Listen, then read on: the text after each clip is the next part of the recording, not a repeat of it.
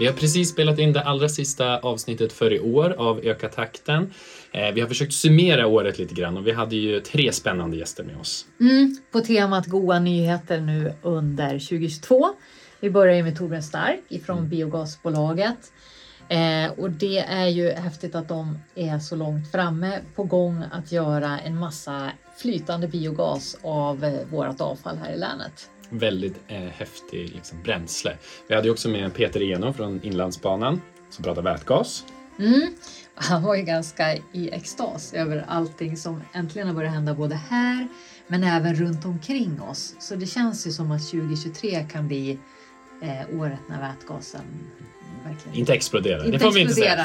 Eh, och så till sist hade vi ju Hampus och Rasmus från Liteknik omladdning.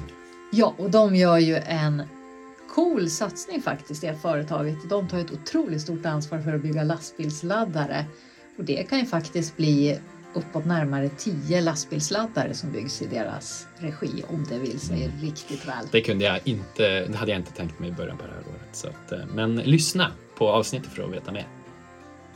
Música